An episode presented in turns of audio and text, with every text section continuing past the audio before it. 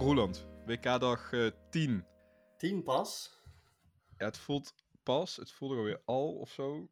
Ehm 50% van het WK zit erop. Ja. Dan, dan, dan begin je een beetje pijn te doen. Van, ja, hm, hm. Nou, ik heb tot dusver naar mijn zin. Als het niveau Ja, alleen nog maar omhoog gaat vanaf nu, dan, eh, dan hebben we de slechtste helft gehad. Dat zeker. Qua vermaak was het gisteren wel eh, om je vingertjes bij af te likken. Vooral die eh 11 uur wedstrijd. Op die manier had je hem nog bijna niet gehad. We appten daar ook over. Toen, ik vergat eigenlijk gewoon dat Argentinië Saoedi-Arabië ook om 11 uur was gespeeld. Ja. ja, maar er werden gewoon weinig goals gescoord in die vroegste wedstrijden. En voor ons, kijk, wij moeten om 11 uur ochtends dan zitten. Dat hoeft nou gelukkig niet meer. Maar dat is nog wel te doen. Maar er zijn ook mensen op eh, in Noord- en Zuid-Amerika die dan om 5 uur ochtends eh, eh, moeten opstaan om dat te kijken. Ja, dan zou ik er wel een beetje chagrijnig van worden na acht dagen eh, dit. Maar gelukkig werden die mensen op de laatste dag met zo'n vroege wedstrijd nog beloond op een, eh, nou, wedstrijd waar je toch je ogen niet van af kon houden. Maar als we de. We kijken even al vier jaar de toekomst in. Als je de tijden die je nu speelt hetzelfde zou zetten in Amerika. En dan wel die plus-minus zes uur tijdsverschil aanhoudt. Dan is het hier op een gegeven moment half twee of zo. Ja, wij moeten dan lang opblijven. dan moet je lang opblijven, ja. Maar dat heb ik het, liever eh, dan het, het WK voor vrouwen komende zomer, waar ik ook heel veel zin in heb. Maar dat is in Australië en Nieuw-Zeeland. Ja, dan moet je echt heel vroeg opstaan Ja, dat is om echt wedstrijden te kunnen zien. Dus ja, Nou goed, dan is dit eigenlijk nog wel, eh, wel te doen. Gisterochtend dus, Cameroen-Servië, 3-3. Wat een wedstrijd was dat. Dat was echt wel heel leuk. Ja wat een scoreverloop ook. Ja, nou, het, sterker nog, ik heb het scoreverloop even opgeschreven. Dat doe ik nooit. 1-0, Cameroen, 1-1. Dat was eigenlijk aan het eind van die tweede helft. Ineens had Servië totaal die controle over de wedstrijd. Waren ze echt heel goed. Ja, Scoorde ze ook niet die 1-2. Niet heel lang na rust. In de 53 minuten scoort Mitrovic in een prachtige goal. Echt een van de... Ja, was ja het de een van mooiste de aanval? mooiste goals van eh Ja. Eh, de 1-3. ja, toen dacht ik, Servië heeft het. Toen het 3-1 Ja, stond. ja, maar als je dan zo daarna zo naïef eh, gaat, gaat voetballen, of verdedigen eigenlijk als Servië zijn, ja, dan roep je het ook een beetje op je af. Ja. Het zijn twee keer eh, goals in die 63 minuten en 66, 66ste minuut. Die heel erg op buitenspel lijken, maar eigenlijk komt dat dus omdat die verdediging niet op tijd stapt. Ja, en bij de 3-3 was Cameroen er ook van overtuigd dat het geen buitenspel was. Volgens mij had Aboubakar toen door dat hij laat kon instappen. ehm, Ja.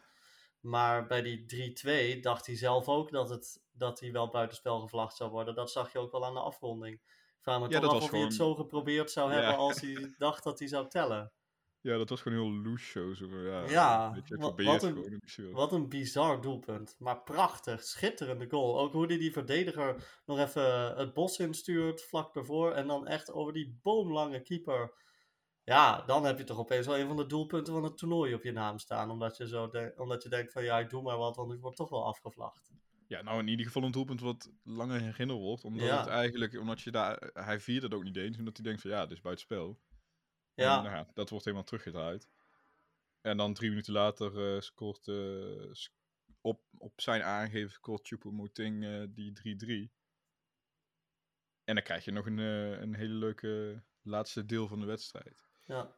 Ik vond Servië, even buiten die verdedigende acties, aanvallend wel echt, lieten ze wel echt zien dat ze dat heel goed kunnen. Omdat ze al die, dat talent er ook in hebben zitten. En zoveel goede voetballers. Van Tadic heel goed.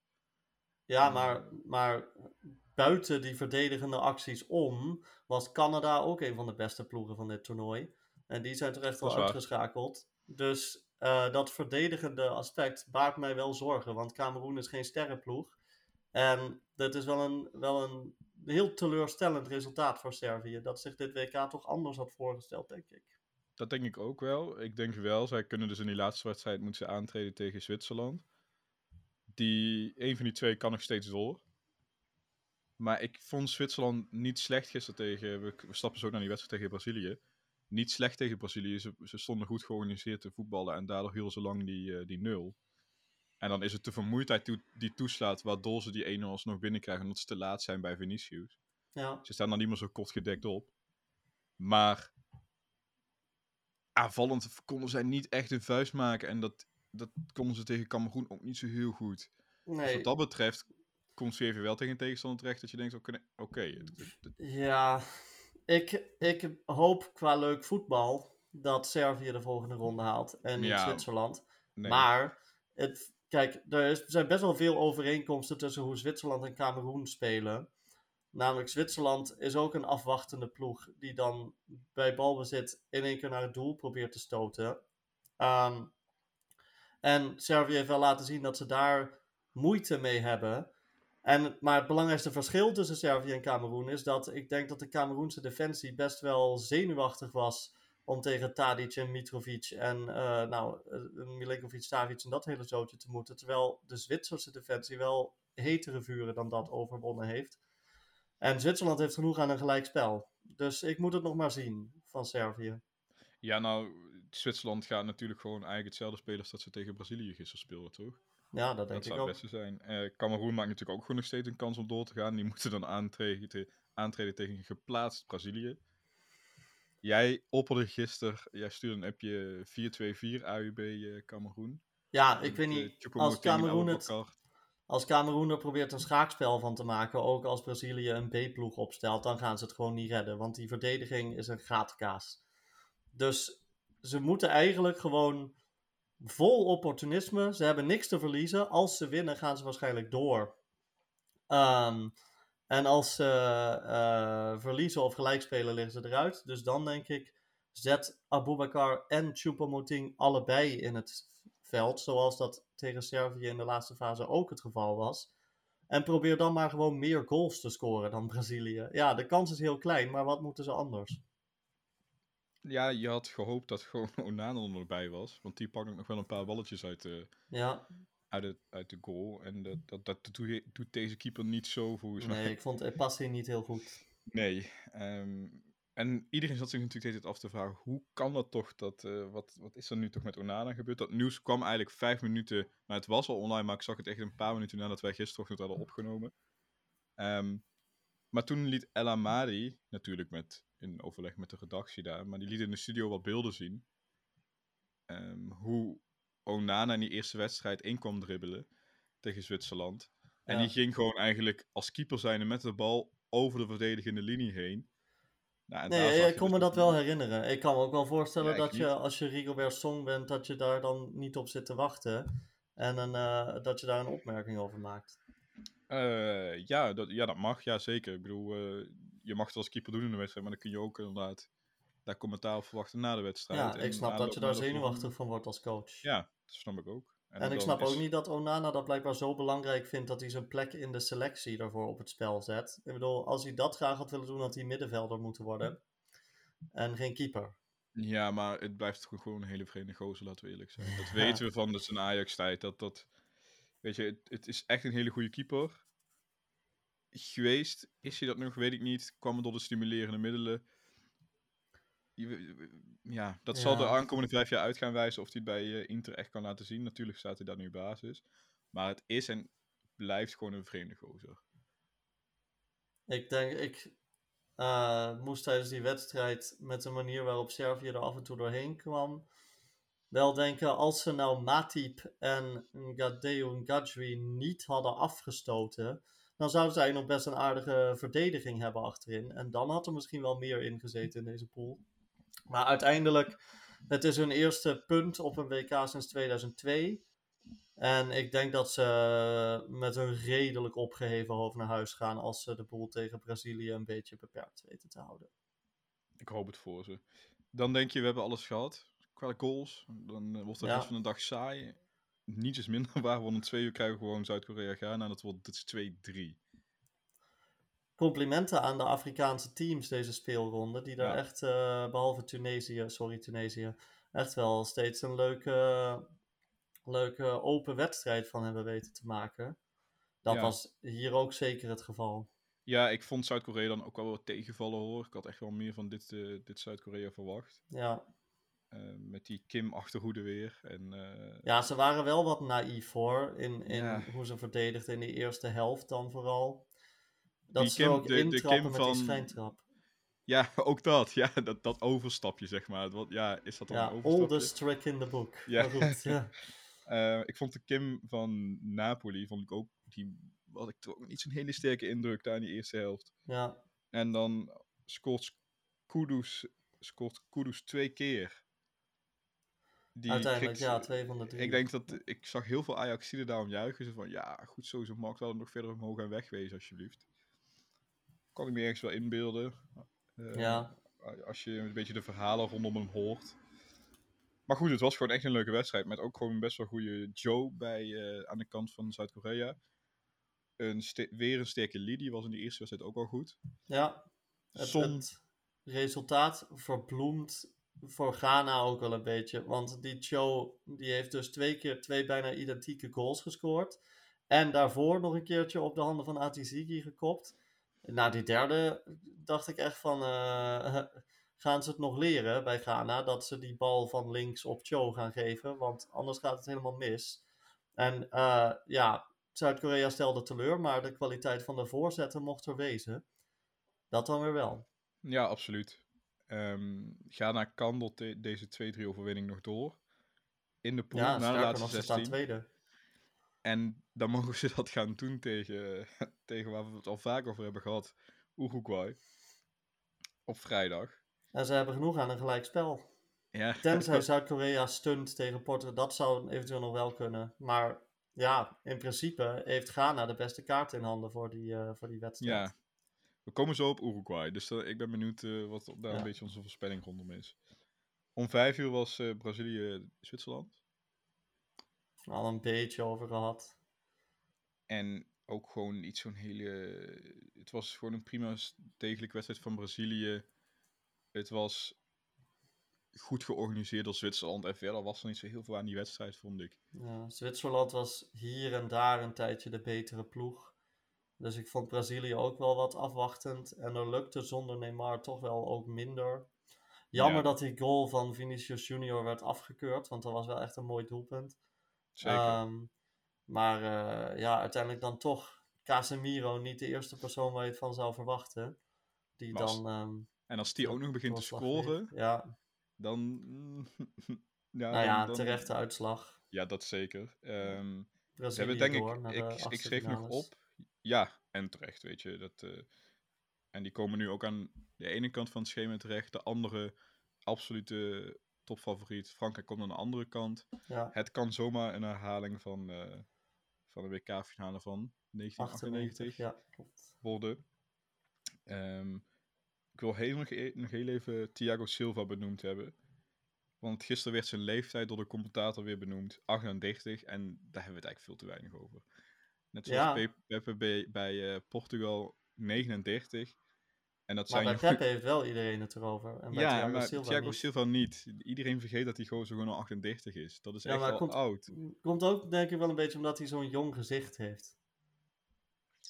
Ja, ja, dat, dat, ja, dat moet de het met verklaring zijn. uitstraling te maken. Maar ja, heel dat is echt wel gewoon heel knap. eh, ja, nou ja, precies, dan omschrijf je het goed. Echt heel knap. Want er zijn er verschillende, Cellini en zo. En daar zie je echt wel Ja, de lijn omlaag. Volgens mij is Cellini zelfs nog jonger dan eh, Thiago Silva. En natuurlijk heeft Thiago Silva een keer, eh de keer zeven om zijn oren gekregen tegen Duitsland. En was hij al een keer afgeschreven, maar hij staat er nu gewoon weer. En hij staat er heel degelijk te, te- in die verdediging. was Thiago Silva niet geschorst in uh, Minarasso? nou, dat, als, jij, als dat je gevoel is, dan zal het wel. David Luiz in Eh. ieder geval niet. Want dat gezicht zal ik nooit vergeten. Nee, die, die was zeker. ehm, Ja. Jij zoekt het Eh, even op. ja, ik ga dat nou toch snel even checken, anders kan ik er niet tegen. Ja, Thiago Silva was geschorst voor die wedstrijd. Kijk, daar- daar lag het aan. terug. Daar, lag, daar ligt alles aan waarom we het zo weinig over hem hebben. Anders had hij al lang niet meer gevoetbald. Eh, nee, heel hartstikke goed, eh, hartstikke goed van hem. Portugal-Uruguay om 8 uur, de laatste wedstrijd van gisteren. Ook de slechtste wedstrijd van gisteren. Ja, 2-0 Portugal. De eerste goal wordt geclaimd door Ronaldo. Nou, dat, dat is een typisch karaktertrekje van hem. Ja, Flikker toch op, je voelt zelf toch ook wel dat je die bal niet raakt. misschien dacht hij, als ik, omdat ik het ben, gaan ze het niet checken of zo. Ja, Nou daar ja. moet wel een soort gevoel in zitten. Die, die, ja, eh, eh, ja. Ik kan er niet heel goed tegen. Bruno Fernandes dacht ook dat Ronaldo die goal gekregen had. Want ja, hij wist natuurlijk niet dat Ronaldo hem niet geraakt had. Maar ik vraag me af of Ronaldo wist, totdat hij gewisseld werd, dat hij die goal niet op zijn naam had gekregen. Ja, misschien. Ik was ook aan het opletten toen hij gewisseld werd. Of iemand op de bank zou zeggen van, hé, hey, uh, ik kreeg Ja. niet het idee dat iemand Nee. dat deed. Of iemand dat durfde. Ehm, ja, Uruguay, ik, ik vond Bentancur echt heel goed aan die kant van Uruguay. Die, was, die had iets van tevoren gegeten. Ik denk van, jezus, wel, staat overal op het veld. Vooral Die had ze moeten helft. belonen met die actie. Ja, Heel dat was echt een hele goede actie. Eh, Dan had je echt een prachtig doelpunt gehad. En eh, dat is een beetje cliché, maar dan had je ook een andere wedstrijd gehad. Want dan kom je gewoon op 0-1. En dan, eh, dan moet Portugal echt anders gaan voetballen. Ik vond het ook moeilijk om naar te kijken. En het, misschien ben ik niet helemaal objectief hierin. Maar dat Ronaldo dan op het veld staat. En dat, dat je daarnaar moet zitten kijken. Terwijl je ook weet dat een van Europa's beste dribbelaars op de bank zit. En ook met je zit mee te kijken. Leo. Ja. Ja, pff, dat, dat vond ik redelijk, eh, redelijk vermoeiend. En, ehm, Het was en een die- geflatteerde uitslag. 2-0. Ehm, Ja. Net toen het ook weer een beetje een wedstrijd begon te worden, kreeg eh, Portugal die penalty. Het was wel een beetje een zware beslissing, maar tegelijkertijd, als dat geen penalty is, dan gaan verdedigers er misbruik van maken. Dus je moet daar toch wel een strafschop voor geven, voor dat soort handsballen. Maar ja, dat is natuurlijk wel lullig. ehm, voor Denk de je echt dat ploeg. verdedigers Dus, daar misbruik van kunnen maken? ja, zeker wel. Als dat mag, dan gaan verdedigers gewoon met hun arm naar achteren eh, eh, vallen als er een bal aankomt. Ja, maar dat was mijn standarm of mijn steunarm. Ja, dat eh, moet je niet willen. Dat, dat is geen wereld waarin we willen leven. Dus om, ehm, om eh, dat soort. Want het is natuurlijk wel gewoon een bal die richting de goal gaat, die door een arm wordt tegengehouden. En ehm, ik, vind, ik vond dit dan. Kijk, soms is het echt heel lullig dat iemand echt gewoon niet eens weet waar de bal is, bij wijze van spreken.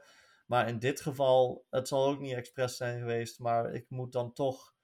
Ik kan me dan toch wel inleven in de scheidsrechter. ehm, dat hij daar dan wel een strafschop voor geeft. En ehm, jammer voor de wedstrijd was het wel. Ja, want daardoor krijg je dat slotoffensief eh, dat eigenlijk in het water loopt. Want je hebt wel die 10 minuten of 9 minuten blessuretijd. Maar ja, in 93 minuten lig je 2-0 erin, dan weet je ook wel dat het klaar is. Ik wil Ja. alleen nog even benoemen Bernardo Silva. En daar heb ik denk ik alles mee gezegd. Ja, daar heb je alles mee gezegd. Ehm, de, de goed voetbal van sommige spelers ten spijt. Bij Portugal vind ik het wel.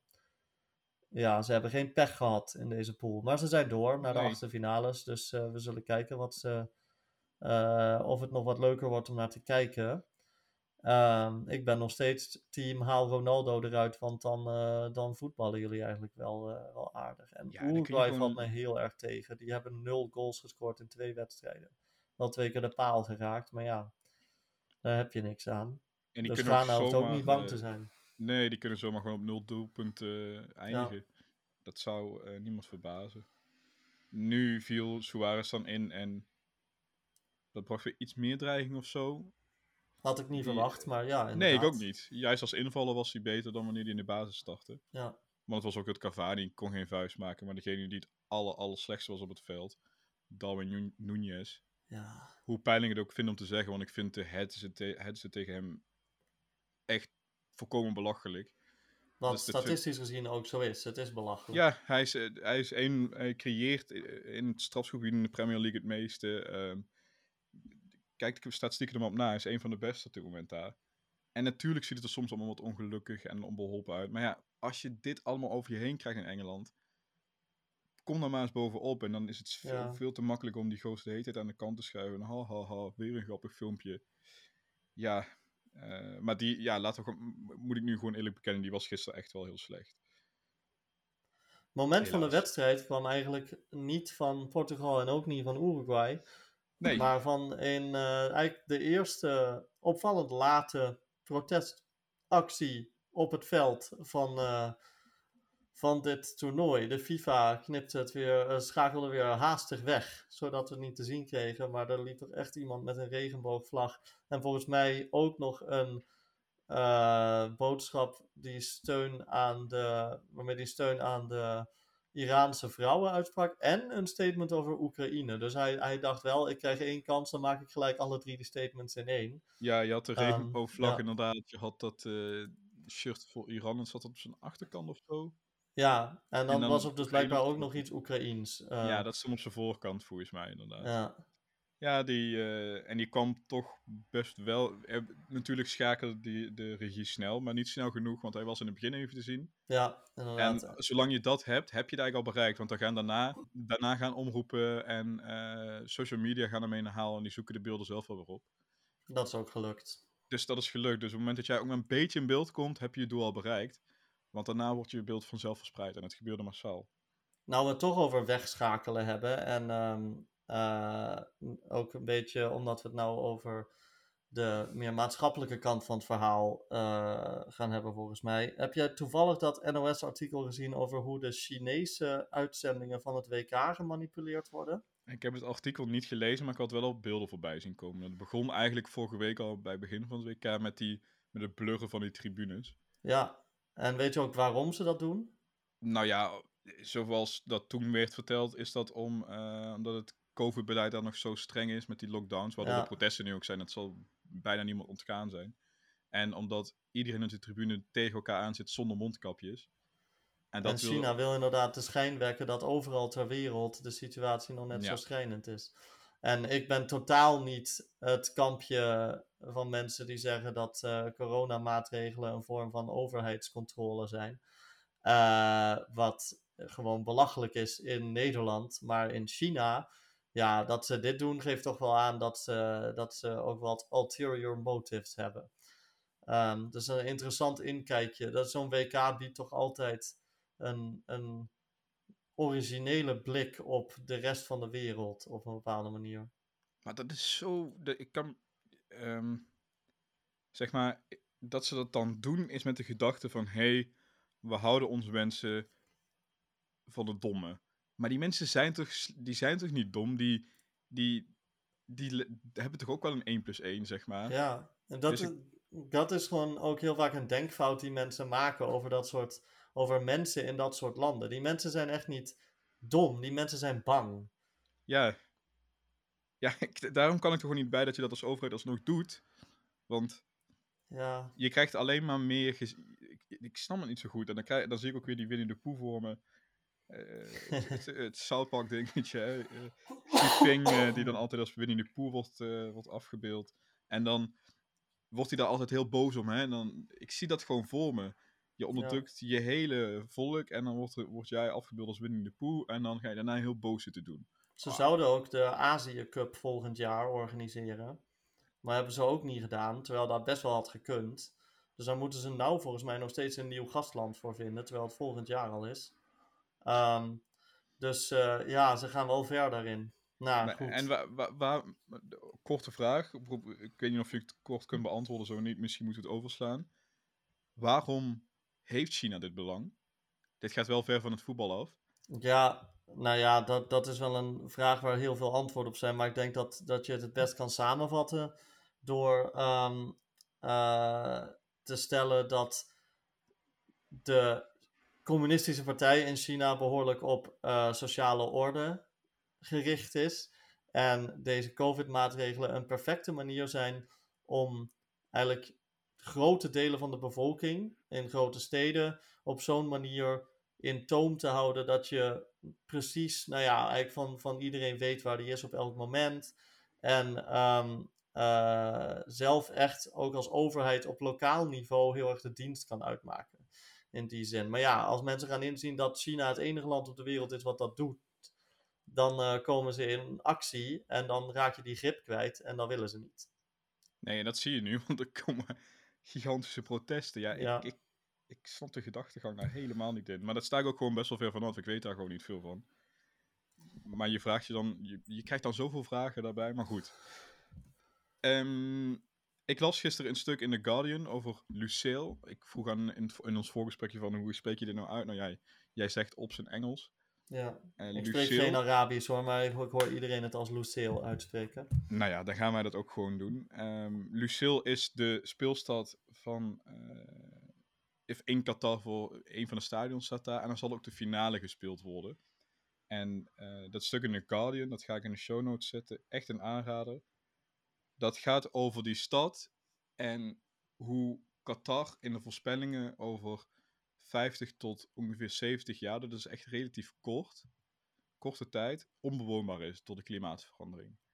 En Qatar is nu al aan het kijken van, oké, hoe kunnen we dit dan wel bewoonbaar houden? Want we zitten hier, maar en dan? Ja, en hoe doen ze dat? Nou, Lucille is dus gebouwd en het is een stad. Je, je moet dat artikel echt gewoon lezen, maar je hebt daar gewoon een mini eh, Parijs. Je hebt daar een mini. Alles is daar in het klein, een soort Las Vegas, maar dan nog groter. En eh, met dat stadion dus, het is gewoon letterlijk een stad uit de grond gestapt, gestampt. En dan moet je, daar gaan drie of 400.000 man in straks. Nu is dat nog redelijk leeg, dus de journalist ging daar doorheen lopen. En eh, die voelde op een gegeven moment zijn enkels heel koud worden.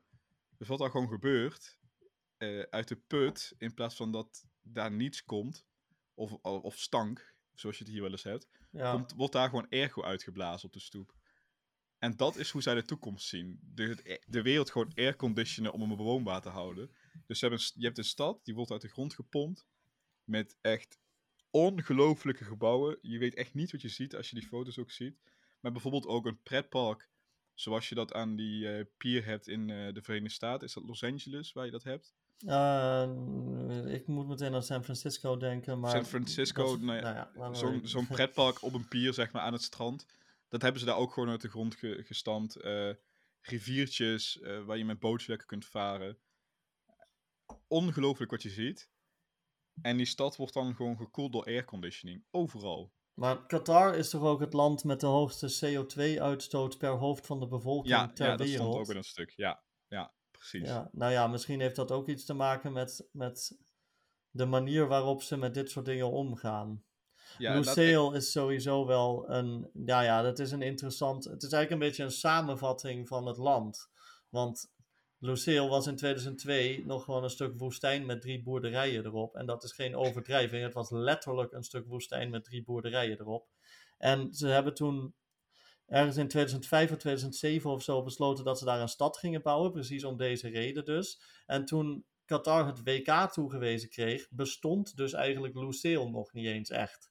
En inderdaad, er moeten uiteindelijk een paar honderdduizend mensen wonen, maar er woont nu nog bijna niemand. Terwijl de huizen er al wel staan.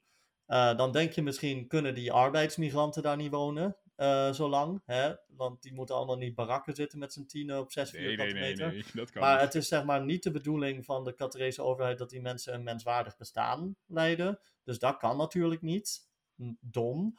ehm, dat je het überhaupt voorstelt.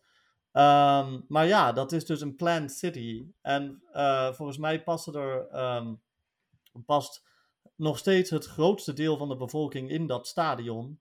Want er wonen nog steeds maar heel weinig mensen. Nou, het is inderdaad een bizarre, heel bizarre stad, ja. Ja, ik, ik kreeg echt een beetje een. eh, ik weet niet zo goed met welke regisseur je dat kunt vergelijken. Maar.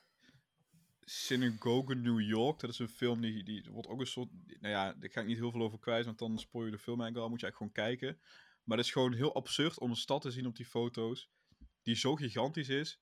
Maar er is letterlijk niemand. En hij omschrijft dat ook. Dat je daar loopt en op een gegeven moment komt hij bij een punt terecht. En dan wordt er gewoon door een robot, door speakers geroepen van... Hey, niet verder dan dit, draai je om. Hier is het nog niet af.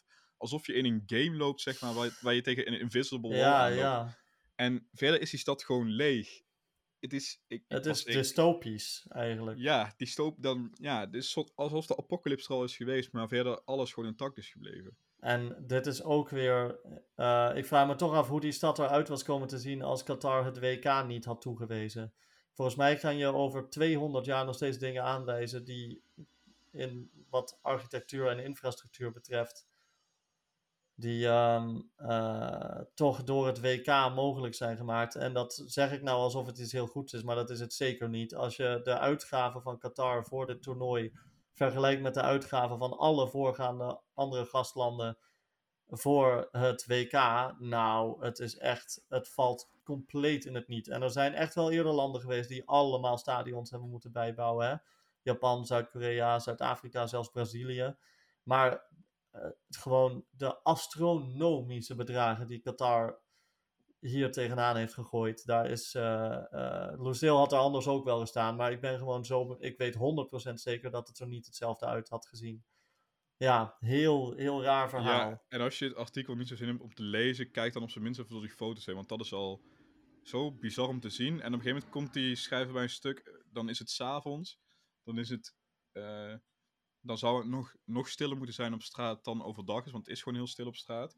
Maar het is juist luidruchtiger, want dan hoort hij een soort kabaal en dan denkt hij, waar komt dit vandaan?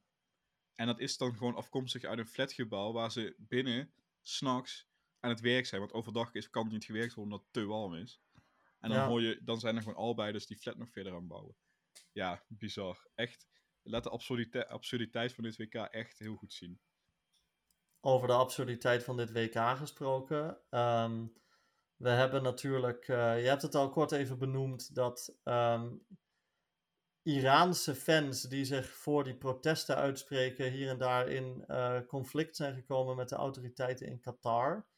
Um, en wat, wat mij daaraan opvalt, um, is dat de media een beetje in de war lijken te zijn over hoe dat kan. Zijn dat dan Iraanse, um, hè, is de Iraanse zedenpolitie in het geheim daar actief of zo?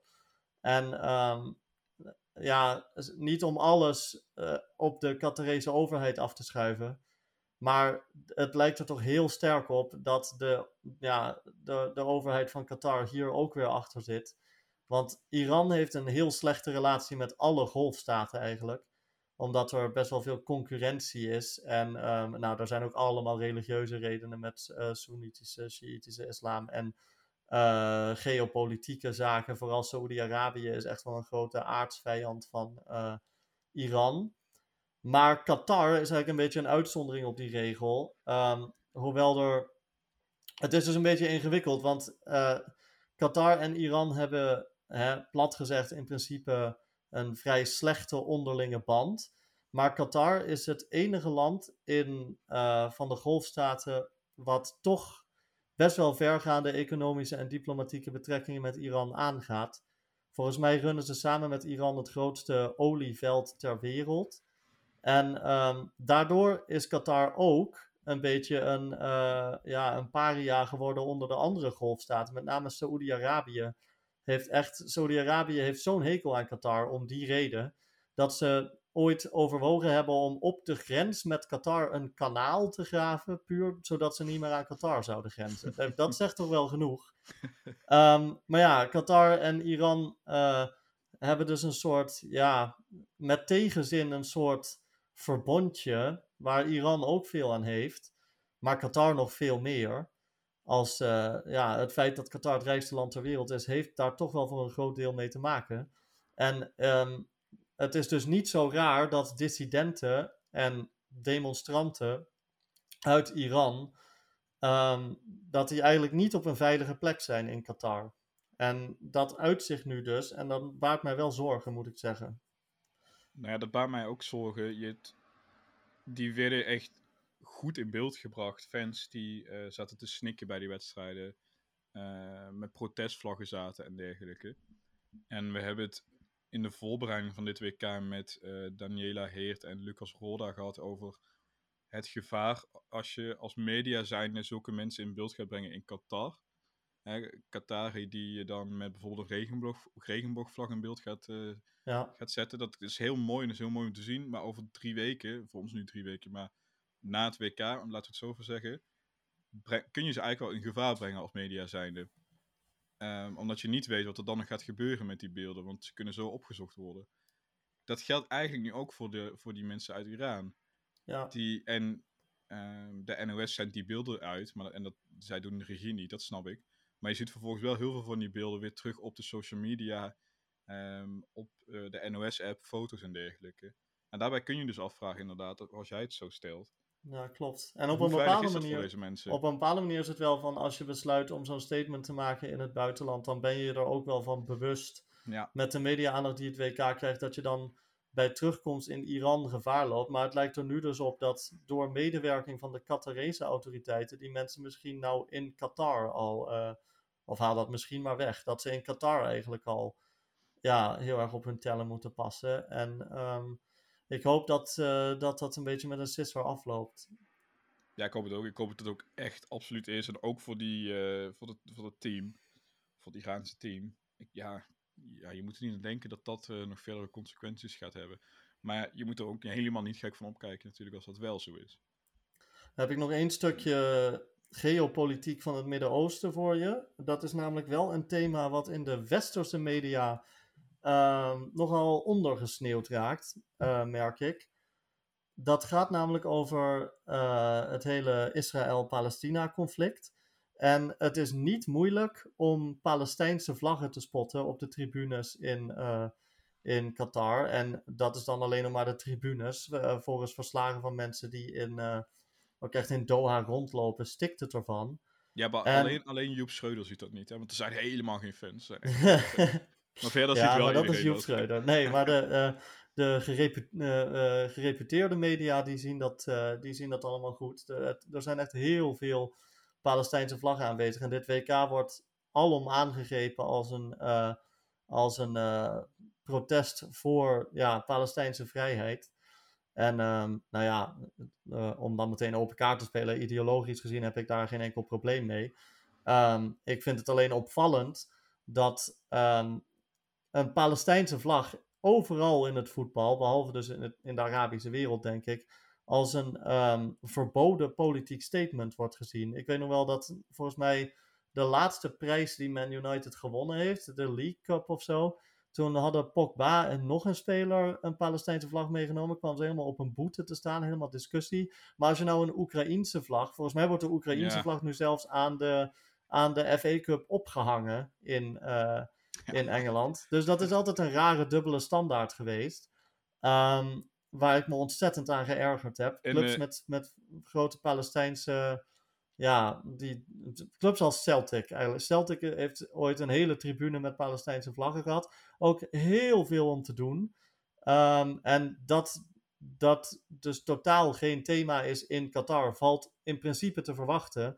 Maar dat geeft toch wel nog een beetje extra aan ehm, dat het daar, dat het daar ja, gewoon een ander, eh, echt een andere cultuur is, waardoor op een heel andere manier naar dit soort thema's gekeken wordt. Maar met een regenboogvlag kom je in Europese stadions juist weer veel sneller weg. Dus dat is een interessant inkijkje. Enige ehm, echt zorgwekkende aspect hieraan is toch wel ehm, de manier waarop Israëlische voetbalfans behandeld worden.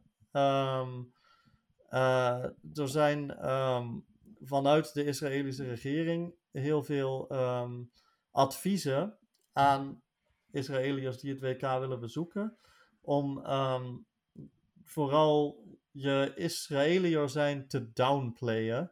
Omdat je anders gevaar zou lopen. Er zijn ook. ehm, eh, het wordt Israëlische journalisten in Qatar ook wel echt bemoeilijkt om verslag te doen van, eh, van hoe het daar aan toe gaat. En dat is natuurlijk een trieste bijkomstigheid. Want ja, het is niet alsof die, die, die voetbalfans iets aan die politiek, of ja, een directe invloed op die politieke situatie hebben. Maar ik snap de boosheid die er in het Midden-Oosten heerst, tot op zekere hoogte ook wel. Dus dat is een interessant inkijkje en een, een conflict wat daar juist best wel eh, prominent in het nieuws komt. Maar waar ik de, de westerse media eigenlijk amper aandacht aan besteden. Al zag ik toevallig wel een artikel van wederom The Guardian dat daar wel over ging. Ja, de Guardian is wat dat betreft wel op eh, het scherp van de snede dit WK. Die, zijn, eh, die zitten er goed bovenop. Ehm, als wij een producer hadden gehad, waren we al tien minuten geleden afgekapt. We gaan Ja, ja, dik onze over Gelukkig tijd hebben heen. we die niet. Een ander conflict waar ik even kort over wil hebben, eh, die wedstrijd speelt zich vanavond af. Dat gaat om de plaatsing van de laatste 16. Iran, Verenigde Staten, daar kijk ik echt heel erg naar uit. Naast het duel zelf ook alle politieke beladingen die daarbij zitten. Ja, Iran, Verenigde Staten zelf, allemaal de di- di- diplomatiek, diplomatieke eh, dingen die erbij komen kijken. Het voetbal zelf. Ehm, het relletje rondom eh, de, de Verenigde Staten die op social media eh, had de bond eh, de stand geplaatst. Ik weet niet of je dat, dat hebt meegekregen. Nee. Ja, ze, ze hadden de stand geplaatst en daar stond dan eh, nou ja, gewoon Engeland 1, Verenigde Staten 2, Iran 3 enzovoort. Maar Iran was afgebeeld met het vlaggetje zonder dat tekentje erin. Zonder dat symbooltje. Serieus? Ja, en ehm, die tweet werd ook vrij snel weer verwijderd nadat er commentaar op kwam. Daarvan heeft Iran gezegd van, hey, dit is een belediging voor ons. En officieel mag het ook niet. Dit is een, daar kun je een straf voor krijgen. Een straf van plusminus 10 wedstrijden uit mijn hoofd. Vanuit de FIFA. eh, dat je 10 wedstrijden niet aan mag treden als Verenigde Staten zijn in Doe dit maar. geval. Omdat jij een factieve vlag weergeeft. En dat is vanuit de Verenigde Staten... Zou je wel kunnen denken van, hé, hey, daar zit iets achter. Ja. Ehm gisteren was er een persconferentie met de bondscoach van de Verenigde Staten en de speler Tyler Adam- Adams. En dat is, je, je moet dat eigenlijk even terugkijken. Je hebt toch nog tijd, want we, we voetballen pas om vier uur vanmiddag. Die worden letterlijk gebombardeerd met vragen over eerst die vlag. Maar daarna wordt ook de bondscoach gevraagd door journalisten in, in, eh, in die zaal van... hey, waarom heb jij niet tegen de overheid gezegd dat ze dat schip weg moeten halen? Eh, dat oorlogsschip in het water bij eh, Iran, zegt dat dan goed. Ja. Ehm, waarom heb je dat niet gezegd? En is bizar. En dan worden ook zulke vragen gesteld aan Tyler Adams. Ehm, Tyler Adams reageert er echt heel professioneel op, alsof hij echt al 30 is en er van alles mee heeft gemaakt. Reageert er echt heel professioneel op. Maar echt, die persconferentie was de opmaat, denk ik, voor wat deze wedstrijd nog gaat bieden. Dat wil ik wel zien, ja. Ja, je moet, en die, die persconferentie, daar staat ook nog eh, een stukje van eh, door de NOS op, eh, op de app en online. Aanraden om dat even te bekijken, want dat was redelijk bizar. En natuurlijk ook bizar dat die vlag zo afgebeeld werd. En eh, nou ja, daar werd die bondscoach om gevraagd. Nou ja, die bondscoach heeft echt niet die tweet verstuurd. Ja, eh, redelijk bizarre persconferentie. Een hele bizarre situatie überhaupt natuurlijk. Iran heeft in 1998 al een keer op het WK van de VS gewonnen. Daar werd toen er een soort festival van de vrede. Met Ja. bloemen over en weer en zo. Gisteren Maar was dat kan fragment bij eh, de NOS, moest je dat raden. Dan was dat het fragment. Oké, ja. ja, nou ja, dat. Het ehm, eh, ja, was op zich een mooi moment, maar je weet eigenlijk ook wel dat heel veel, met name conservatieve Amerikanen, zich daarover hebben zitten opvreten natuurlijk, toen dat gebeurde. Dus ja, daar hangt nog steeds wel wat van af. Het is toch een groot deel nationale trots, dus ik ben benieuwd. Ja, je bent benieuwd. En eh, wat gaat Iran, de Iraanse spelers nu doen? Zeg maar, gaan ze wel weer meezingen? Gaan ze nu weer juist weer niet meezingen? Doen ze een ander soort protest? Hoe gaat de ontmoeting met de Verenigde Staten zijn? Ja. Noem hem allemaal op. Echt heel interessant. Even kort dan nog eh Ecuador-Senegal. Voetbal spelen ook nog Engeland-Wales. Nederland-Qatar natuurlijk. Wat verwachten we van die, eh, van die laatste die ik benoem? Ehm, een redelijk comfortabele overwinning voor het Nederlands elftal. Met een marge die groot genoeg is om eerste te worden. En waarom noemt iedereen Simons steeds het Xavi Simons? Waarom moet iedereen steeds die voornaam noemen? Ja, daar heb jij toch ook met Jan Vertongen? Ja, dat klopt, dat heb ik ook gedaan. maar die, die kan ik wel wegnemen. dat klopt, maar dan ben ik de enige, denk ik. En, Misschien eh, zijn ze bang dat andere mensen denken dat we Silvana Simons eh, in het veld gaan zetten. Oh ja, en dan, dan zijn mensen gelijk eh, bang. Ja, ik weet, je kan maar beter zo duidelijk mogelijk zijn tegenwoordig. Ik hoop dat hij speelt wel. Ik denk dat hij al wat toe kan voegen. ehm, en ik zie het wel met vertrouwen tegemoet. Maar als we de weg omhoog willen inzetten, dan moet het echt vandaag gebeuren. Ja, en dan eh, verwacht ik een middenveld met eh, De Jong en ik zei bijna Frenkie De Jong, dan zou ik hetzelfde gaan doen. Maar ik verwacht een, middenveld met De Jong en eh, De Roon. En dan hoop ik met daarvoor Berghuis toch wel in plaats van Klaassen. En dan in de loop van de wedstrijd een keer Simons. Ja, Xavi Simons. kan ik me helemaal in vinden. Wel, eigenlijk is die andere wedstrijd interessanter, hè? Senegal-Ecuador. Ja, in principe pool. wel. Ja. Ja, maar ik denk dat het een gelijkspel wordt. En als er een ploeg wint, wordt het Ecuador. Sorry, Senegal, maar Ecuador maakt meer indruk op mij. ik zou Ecuador persoonlijk ook leuker vinden. Nou, dat nooit- weet ik ook niet per se, maar ehm want Nou ja, laat ik welke puur ploeg wordt, ze worden uitgeschakeld in de achtste finales. Maar ehm, ja, het... eh, Ja, nee, ga, ga ervan uit dat je tegen... Dat, stel Ecuador, die konden echt een vuist maken tegen Nederland. Die worden tweede en Engeland eh, wordt gewoon eh, eerste. Dan treed je aan tegen Engeland zijnde. Ik denk echt dat Ja. je gewoon als Ecuador even nog een kans hebt hoor. Ja, maar dan denk ik voor that matter ook dat Senegal nog wel een kans heeft tegen... Als ze van Ecuador kunnen winnen, kunnen ze ook tegen Engeland nog wel... eh, Ja, dat is ook zo. Oh, zeker. Ja, En ze moeten winnen van Ecuador, anders liggen ze eruit. En dat is al eh, 32 jaar geleden dat voor het laatst een Afrikaans land van een Zuid-Amerikaans land won. Dus dat weten Ghana en Cameroen dan ook maar meteen. Ehm, dat het nog niet zo 1, 2, 3 gebeurd is. Maar het kan wel. Moet een keer kan die vloek. Vier uur vanmiddag, dan om acht uur eh, die andere wedstrijden. Dus Iran, Verenigde Staten en Engeland tegen Wales. Engeland kan eigenlijk al niet meer verliezen. Die moeten met meer dan vier doelpunten verschil verliezen van Wales. Dat gaat nooit gebeuren, want Wales is ontzettend zwak. Ja. Kijk ik wel weer naar uit. Wij zijn er morgen weer. Tot Ja, dan. Veel tot plezier met kijken en Jij ook. eh, doei.